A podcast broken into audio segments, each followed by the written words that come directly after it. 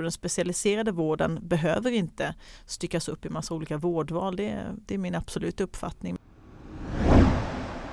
Du lyssnar på Samhällsekonomiska podden med mig Simon Winge. Idag ska vi prata om vård och styrning. Show me the money. Så hur går en finansiell kris till? 400 000 euro motsvarar ungefär i svenska kronor 40 000 miljarder kronor. Det är lätt att vara populist och stå och lova mycket hit och dit. Men eh, du ska få ihop en budget. Många kommuner i Sverige har fått sämre ekonomi. Det går bra för Sverige just nu. Absolut det bäst beska pillret som finns i januariavtalet. We are going to follow the money.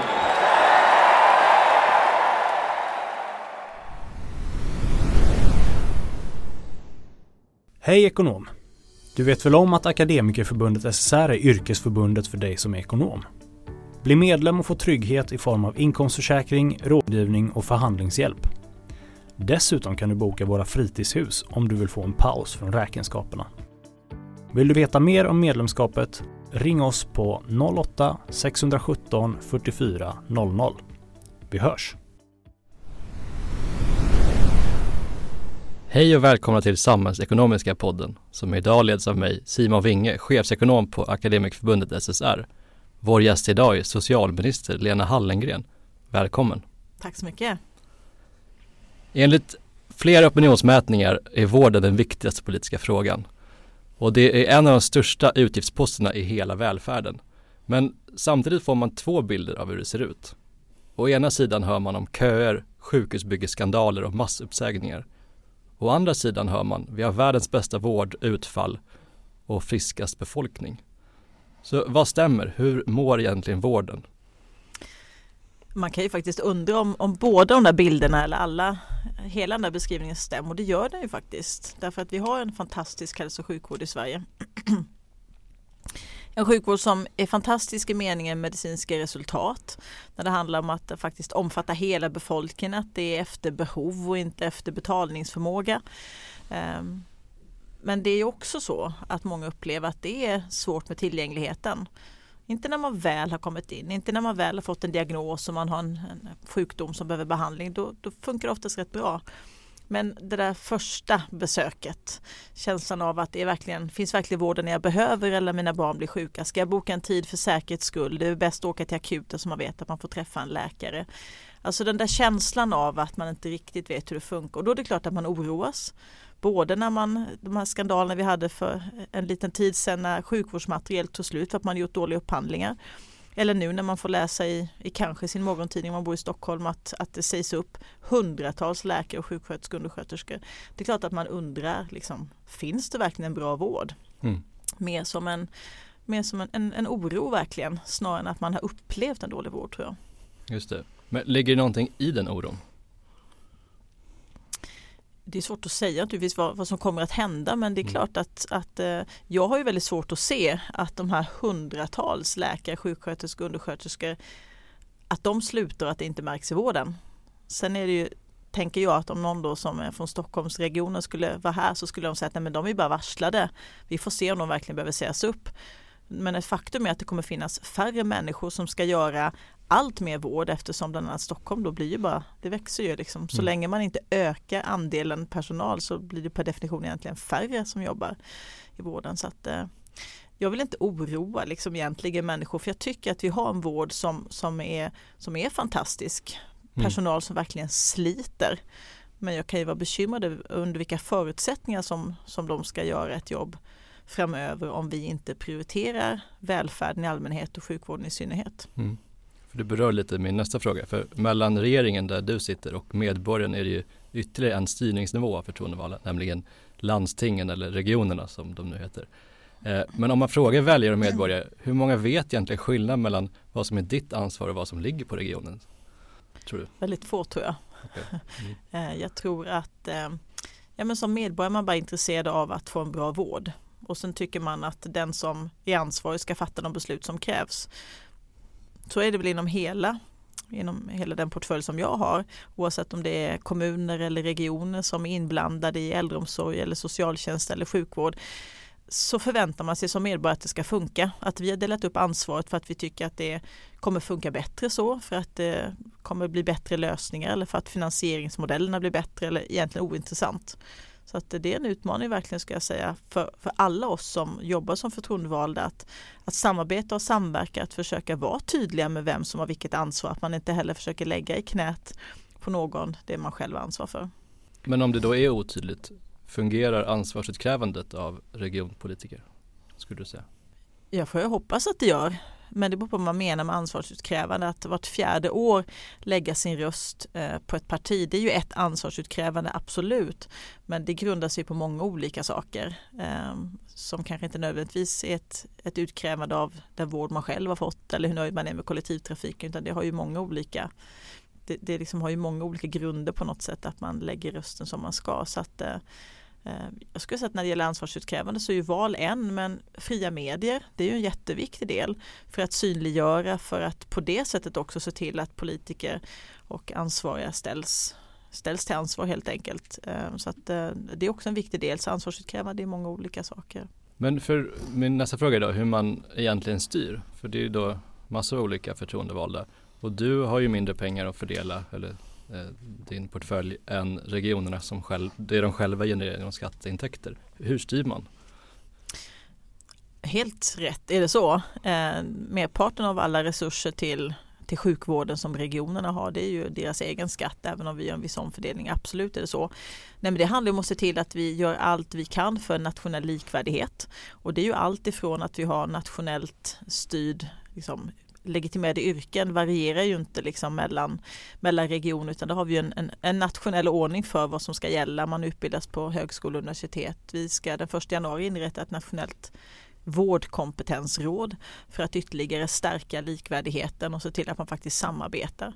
Nationella riktlinjer hur man ska fördela mm. resurser eh, men också nationella vårdprogram cancerstrategi, eh, hela Socialstyrelsens arbete med kunskapsstöd till vården men också IVO som är en inspektion för vård och omsorg. Så det är klart att det finns olika sätt att säkra upp utbildning, styrning, eh, uppföljning. Sen har vi de överenskommelser som, som ju då jämförelsevis i summa inte går att mäta med vad regionerna liksom har att att förfoga över. Eh, men som spelar väldigt stor roll skulle jag säga för var vi lägger krutet i form av liksom utveckling och förändring. Mm. Um, ja, det är ju 11-12 miljarder i olika överenskommelser att jämföra med 3, 350 miljarder men, men det spelar stor roll därför att det är ju pengar som som inte bara går till basverksamheten utan som syftar till att driva förändring och utveckling och på ett likvärdigt sätt över landet. Ja, för den, om man går in på din landningssida på regeringen.se så står det som första mening Vården och omsorgen ska funka oavsett vem du är eller var i landet du bor. Samtidigt pekar Riksrevisionen i sin rapport från oktober att omfördelning mellan regioner och kommuner inte är tillräcklig idag. Så hur säkrar man egentligen att de regioner som har sämst förutsättningar ger samma välfärd? Är det mer omfördelning, höjda regionala skatter eller mer statsbidrag? Det är väl de tre jag ser att man har att röra sig med. Ja, och jag tänker att man, kan, man måste använda alla tre. Vi använder ju statsbidrag för att se till att man får likvärdiga förutsättningar för att orka med förändring och utveckling och inte minst kompetensförsörjning. Ehm, men sen när det gäller, när det gäller omfördelning så har vi väldigt nyligen fattat beslut och riksdagen har ju, om det var förra veckan till och med fattat beslut om ett nytt kostnadsutjämningssystem det spelar förstås en väldigt stor roll att se till att oavsett hur befolkningsstrukturen i kommunen och regionen ser ut så, så ska man ha likvärdiga förutsättningar. Jag inser att man skulle behöva göra ännu mer eh, på den fronten. Eh, men det var ett viktigt steg som togs i och med den här propositionen. Ehm, Sen är det ju i grund och botten otroligt avgörande att varje region tar ut skatt för att kunna ha råd att bedriva den verksamhet som man är ålagd. Det är ju ändå så som vi har liksom på något sätt beslutat att strukturen ska vara i Sverige. Vi bestämmer nationellt riktlinjer och hälso och sjukvårdslag och, och mycket annat. Men regionen måste sen beskatta sina medborgare för att kunna leverera en, en god hälso och sjukvård. Mm. För om man pratar pengar så pekar SKL på att kommunerna har det tufft. Eh, Primärkommunerna som tar hand om äldre har det ju svårt när de får fler äldre. Men de säger samtidigt att siffrorna ser ännu sämre ut för regionerna. Hur ska man se på det här? De... Ja, nej men det är ju, det är ju liksom ett, ett, faktum att, att det är ju inte alltid högkonjunktur i Sverige utan eh, högkonjunktur och lågkonjunktur delvis liksom avlöser varandra. Och nu är vi i början av en låg, lågkonjunktur. Finansministern skulle säga att vi, vi har inte lika mycket högkonjunktur som innan och vi går in i en avmattningsfas. Men, men det är klart att vi också ser från regeringens sida att kommuner och regioner har det tufft. Men i grund och botten så är det ju inte så att staten ser till att plus och minus går ihop i alla kommuner och regioner utan man måste ju verkligen se om sitt hus och både se till att man, att man beskattar på det sätt som krävs för att ha råd att erbjuda den verksamhet som man är lagstadgad att göra och de förväntningar som finns och vad man själv har lovat förstås inför val och annat. Eh, men vi inser ju att det är tufft för många kommuner. Det är därför vi har ökat statsbidragen, de generella statsbidragen till, till kommuner och regioner under hela den tid som den socialdemokratiskt ledda regeringen har suttit sedan 2014. Förra mandatperioden med 35 miljarder och vi har lovat minst 20 miljarder i nivåhöjning den här mandatperioden. Så att det är ju ganska mycket pengar i nivåhöjning.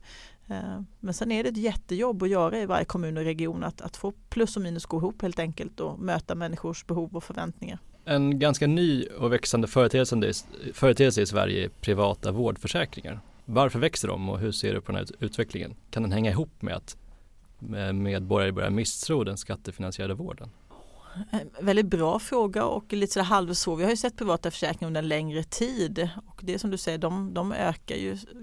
Jag tycker i grund och botten att det är lite svårt att se varför man liksom dubbelförsäkrar sig, varför man både betalar skatt, många tycker att vi har en hög skatt i Sverige, men det är för att vi ska ha råd med den välfärdsnivå som vi är vana vid och som vi vill fortsätta ha. Eh, att sen betala en gång till på något sätt för att för att verkligen få det.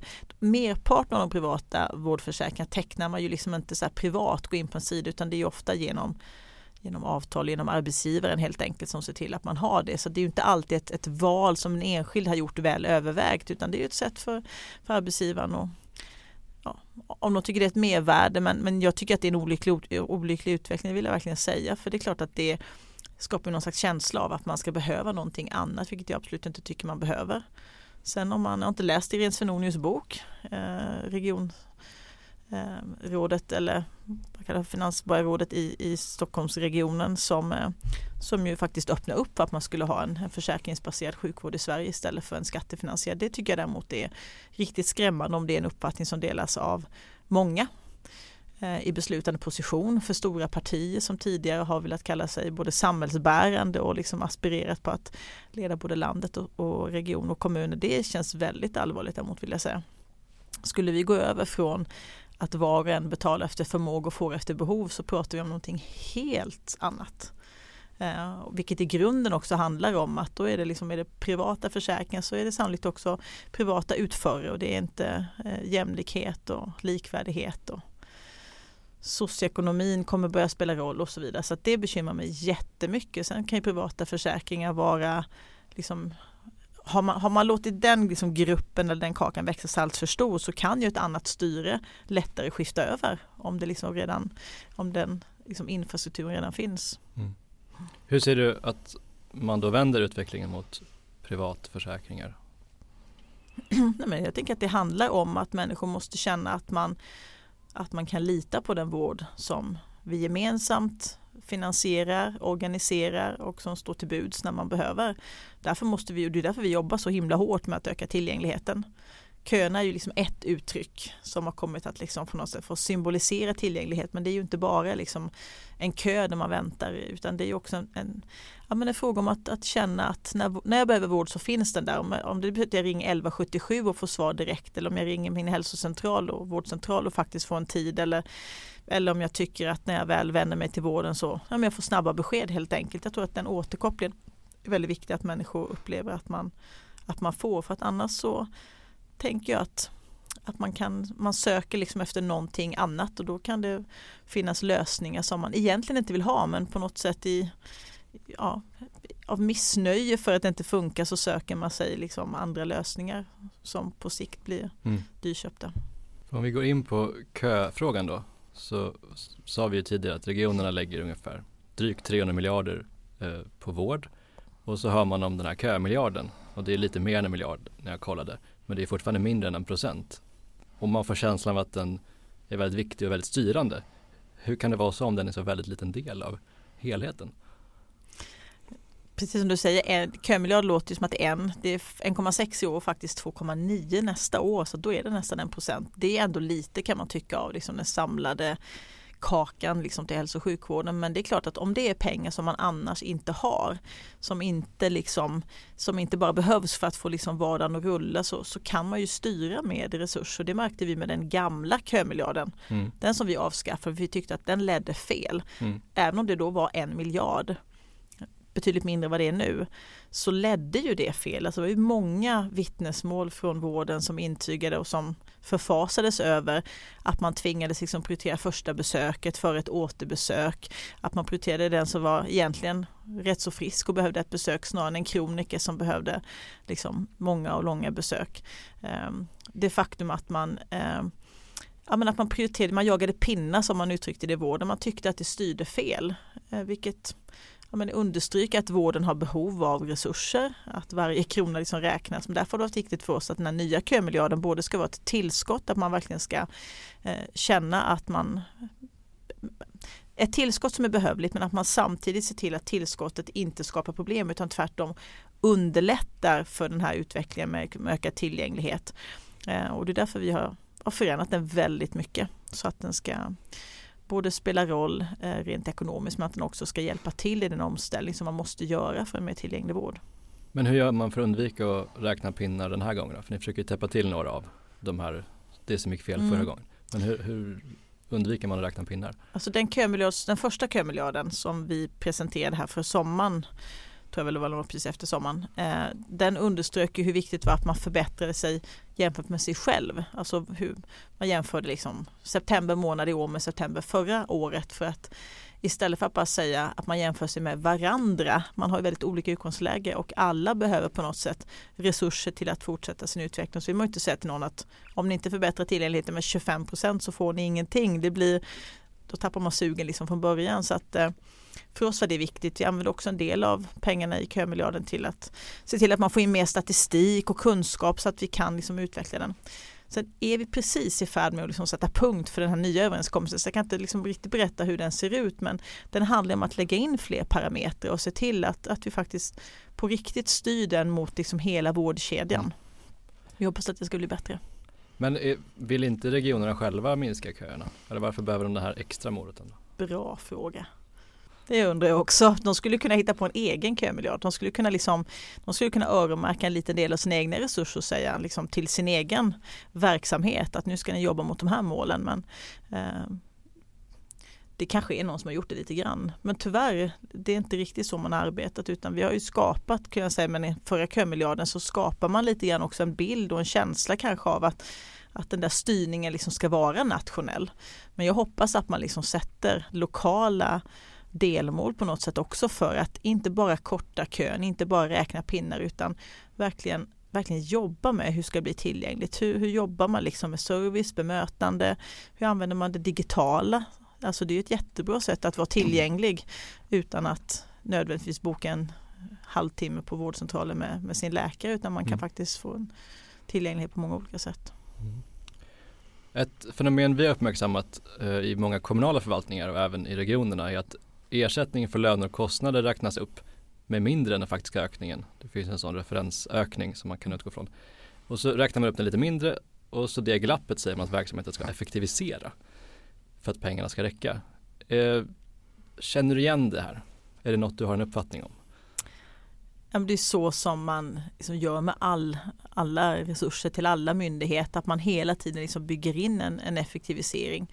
Det kan man ha många olika synpunkter på men, men för att inte bara säga att jo, men det är bara fortsätt med allting som ni gör och sen lägger vi på löneökningen utan att man faktiskt hela tiden behöver vässa, förändra, utveckla sin organisation.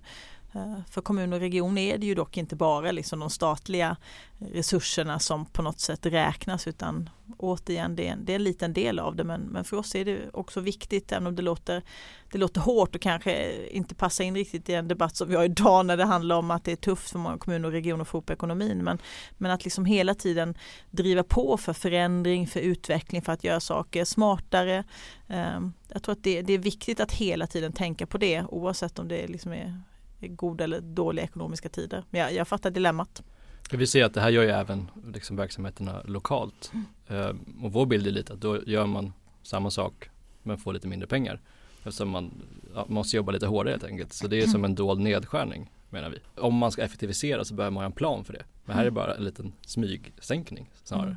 Man behöver ju hela tiden ha en plan, så är det ju för vi har ju verksamheter som hela tiden får eh, ja, men Så fort man bestämmer sig för att man ska göra någonting som man inte gjorde tidigare så måste man liksom lägga in det i både i kalkylen och liksom finansiera det men, men att hela tiden arbeta för att göra saker eh, smartare, snabbare, effektivare. Sen är det klart att i väldigt personalintensiva verksamheter så blir det svårare. Det kan man säga.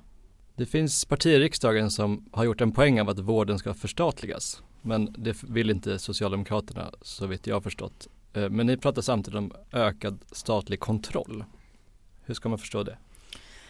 Jag tror att man ska förstå det som att vi vill väldigt gärna eh, att vi får en bättre nationell likvärdighet. Det ska inte spela någon roll var i landet man bor.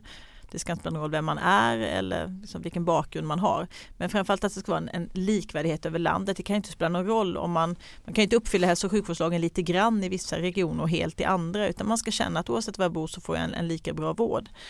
Ehm, och jag tror att det finns en del som känner att ja, men om staten tar ansvar så blir det nog lika bra och likadant över hela landet. Jag tror inte att det är så.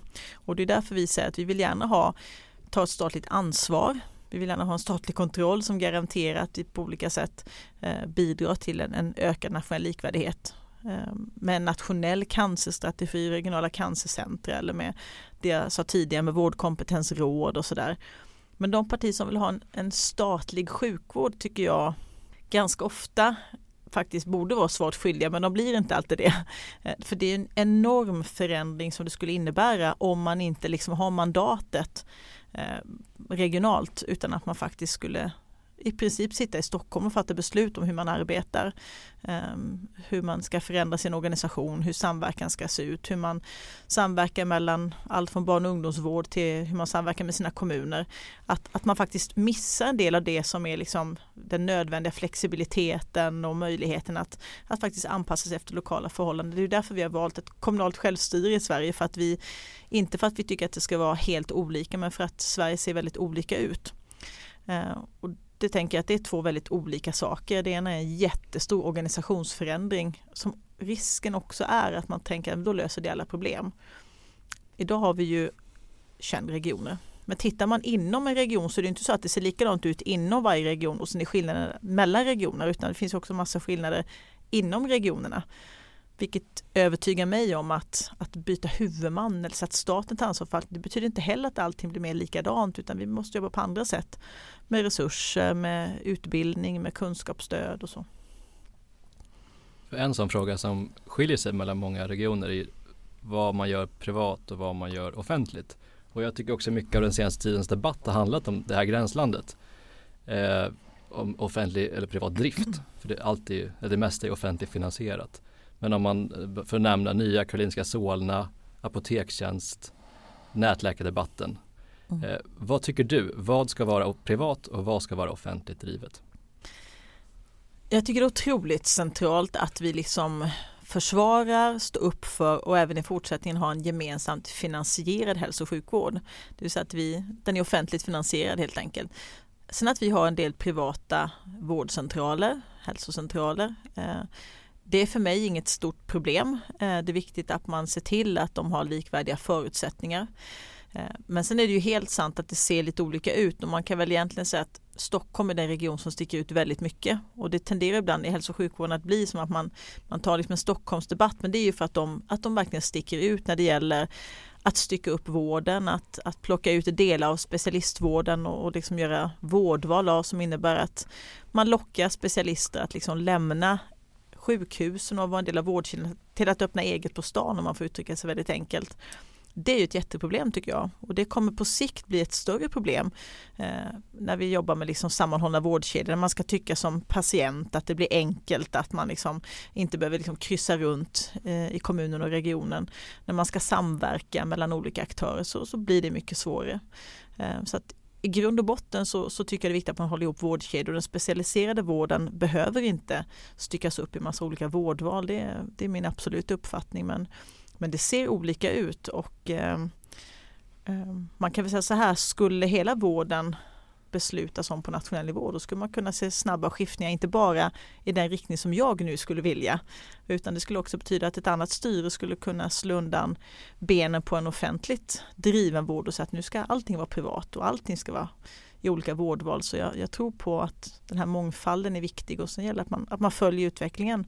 Att man har en levande opposition i de här regionerna som verkligen belyser vad som blir konsekvenserna. Men, men det är problematiskt med, med alla dessa vårdval i specialistvården tycker jag. Men har utvecklingen då i Stockholmsregionen påverkat din syn på vad som är lämpligt att lägga på privata aktörer? Jag har aldrig faktiskt tyckt att det är en särskilt bra idé att stycka upp specialistvården och jag blir ju inte mindre övertygad av vad som händer i Region Stockholm. Det kan jag inte säga. Det, kan, det, det övertygar mig väl ännu mer. Jag tänker mycket av den vård som vi idag ser den blir ju allt mer specialiserad. Vi behöver ju till och med liksom, nivåstrukturera så att ibland behöver vi kanske sköta någonting på ett fåtal ställen i landet för att det, det behövs en väldigt specialiserad vård. Mm. Om specialister inte ens går att tillgå i det offentliga utan de är liksom redan ut de liksom redan har bildat sitt eget så, så blir det svårt kanske att, eh, att skapa den nödvändiga samverkan som vi behöver. Jag tror också att det blir, det blir dyrare, har också visat sig. Man sparar inte pengar på det utan man försöker ju liksom locka med att vara lite små, lite mer generös för att någon ska vilja starta eget och det är väl inte heller ett, ett bäst användande av skattebetalarnas pengar tycker inte jag. Jag vill prata lite mer om styrning och då styrs ju regeringen delvis av ett dokument som kallas januariöverenskommelsen. Hur påverkar den styrningen förutsättningar för att bedriva politik inom vårdområdet?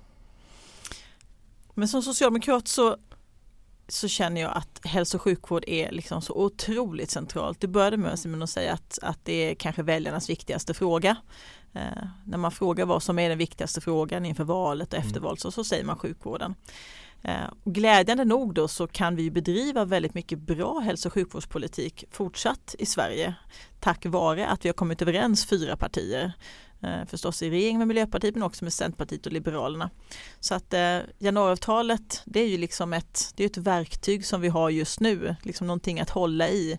Eh, och jag tycker i grund och botten att det på sjukvårdsområdet är inte särskilt problematiskt utan tvärtom jobba med primärvårdsreform, med fasta läkare, med fasta omsorgskontakter, eh, att ha ett fokus på kroniker, att jobba mot psykisk ohälsa. Det, det är bra mål helt enkelt som vi, som vi vill ta tag i, som vi vill jobba med, som jag är glad att vi har fått med i januariavtalet.